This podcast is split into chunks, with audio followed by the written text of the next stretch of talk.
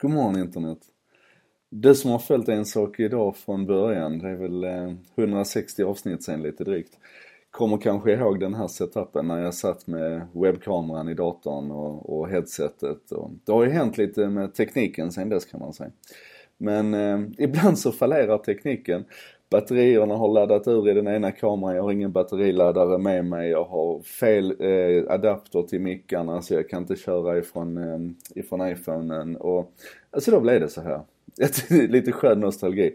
Kanske framförallt med tanke på ämnet för att idag tänkte jag prata om eh, fantastisk ingenjörskonst med små medel. Det är väl det jag har misslyckats helt med själv idag så här, alla har väl eh, försökt lösa en Rubriks kub någon gång. Och de av oss som, som var lite nördiga, vi kom ju fram till och, och lyckades väl så småningom identifiera det där med att, att det fanns en, en method to the madness. Vi lärde oss hur man skulle linjera den, vi lärde oss att tänka tänka lager istället för sidor. Ja men ni kommer ihåg att, att så, färgagnostiken och allt det där man skulle kunna för att få koll på rubiks kub. De absolut vassaste eh, Rubiks, mänskliga rubrikskrublösarna idag. De ligger på runt 4, 4,5, 5 sekunder. Eh, jag har tittat på massor med videos här nu på morgonen och det är helt makalöst vad, vad snabba de är. Men naturligtvis så experimenteras det ju med, eh, med robotik här också. Och precis som att alla AI-fantasterna sysslar med schack och go så sysslar då robotfantasterna, eller många av dem i alla fall, med rubiks kub. Där det gäller att försöka liksom komma ner i, i, i hastighet så mycket som möjligt. Och det tidigare, det tidigare rekordet i robotlösning, kommer ni ihåg, människan ligger på någonstans mellan 4 och 5 sekunder som absolut snabbast. Um, det tidigaste, tidigare robotrekordet, eh, det var eh, 63 hundradelar, alltså 0,637 sekunder. Lite drygt en halv sekund. Och det var en, ett tyskt gäng som gjorde det här och det var en, ja, där var, där var en del konstigheter runt det kan jag tycka. Det här nya nu, nu är det alltså två stycken studenter på MIT, de heter Ben Katz och Jared DiCarlo. De har pusslat ihop en maskin med, med begagnade prylar och, och webbkameror som kostar 7 dollar och, och det är ett sånt fantastiskt do it yourself bygge. Ni måste in och läsa om det här sen. Och de har alltså kommit ner på 38 hundradelar, 0,38 sekunder.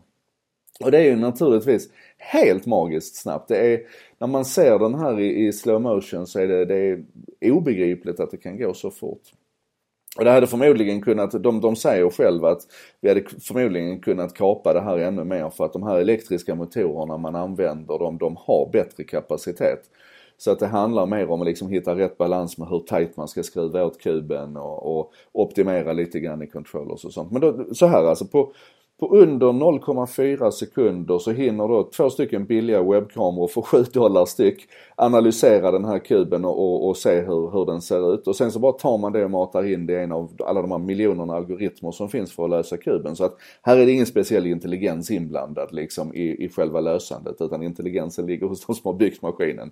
I alla fall, in där och så, och så lägger den upp den här sekvensen då som den ska köra för att och, och, och lösa upp kuben. Och sen så bara skickar den instruktioner till de här maskinerna. På flera nivåer här så finns det liksom mer optimeringar man skulle kunna göra. Men grabbarna säger själva att äh, men nu har vi tröttnat på det här, nu har vi gått vidare till annat.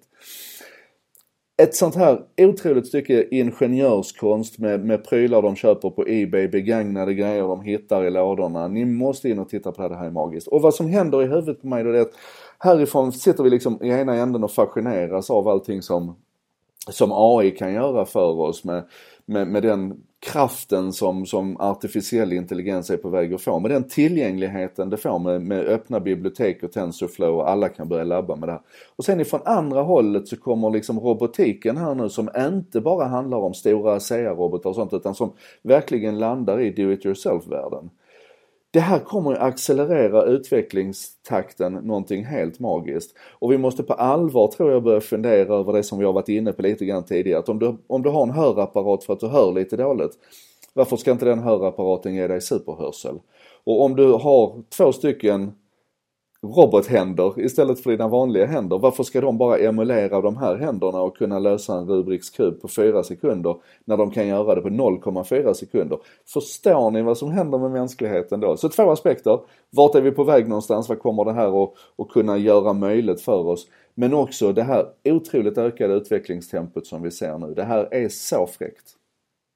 Åh, det här var En sak idag, producerat av mig Joakim Jardenberg med benäget bistånd ifrån Bredband2, internetoperatören som gärna lyssnar när andra snackar. De är med och hjälper till att få spridning på det här så att många fler kan vara med och diskutera.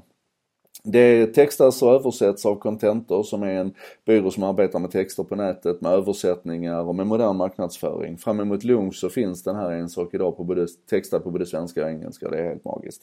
Och så ett jättetack till er. Det har varit en grym vecka igen. Eh, fredag idag, nu håller vi helg och så ses vi på måndag morgon hoppas jag.